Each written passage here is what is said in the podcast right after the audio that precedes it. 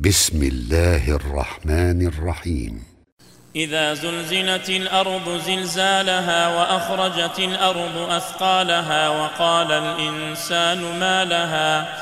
يومئذ تحدث أخبارها بأن ربك أوحى لها.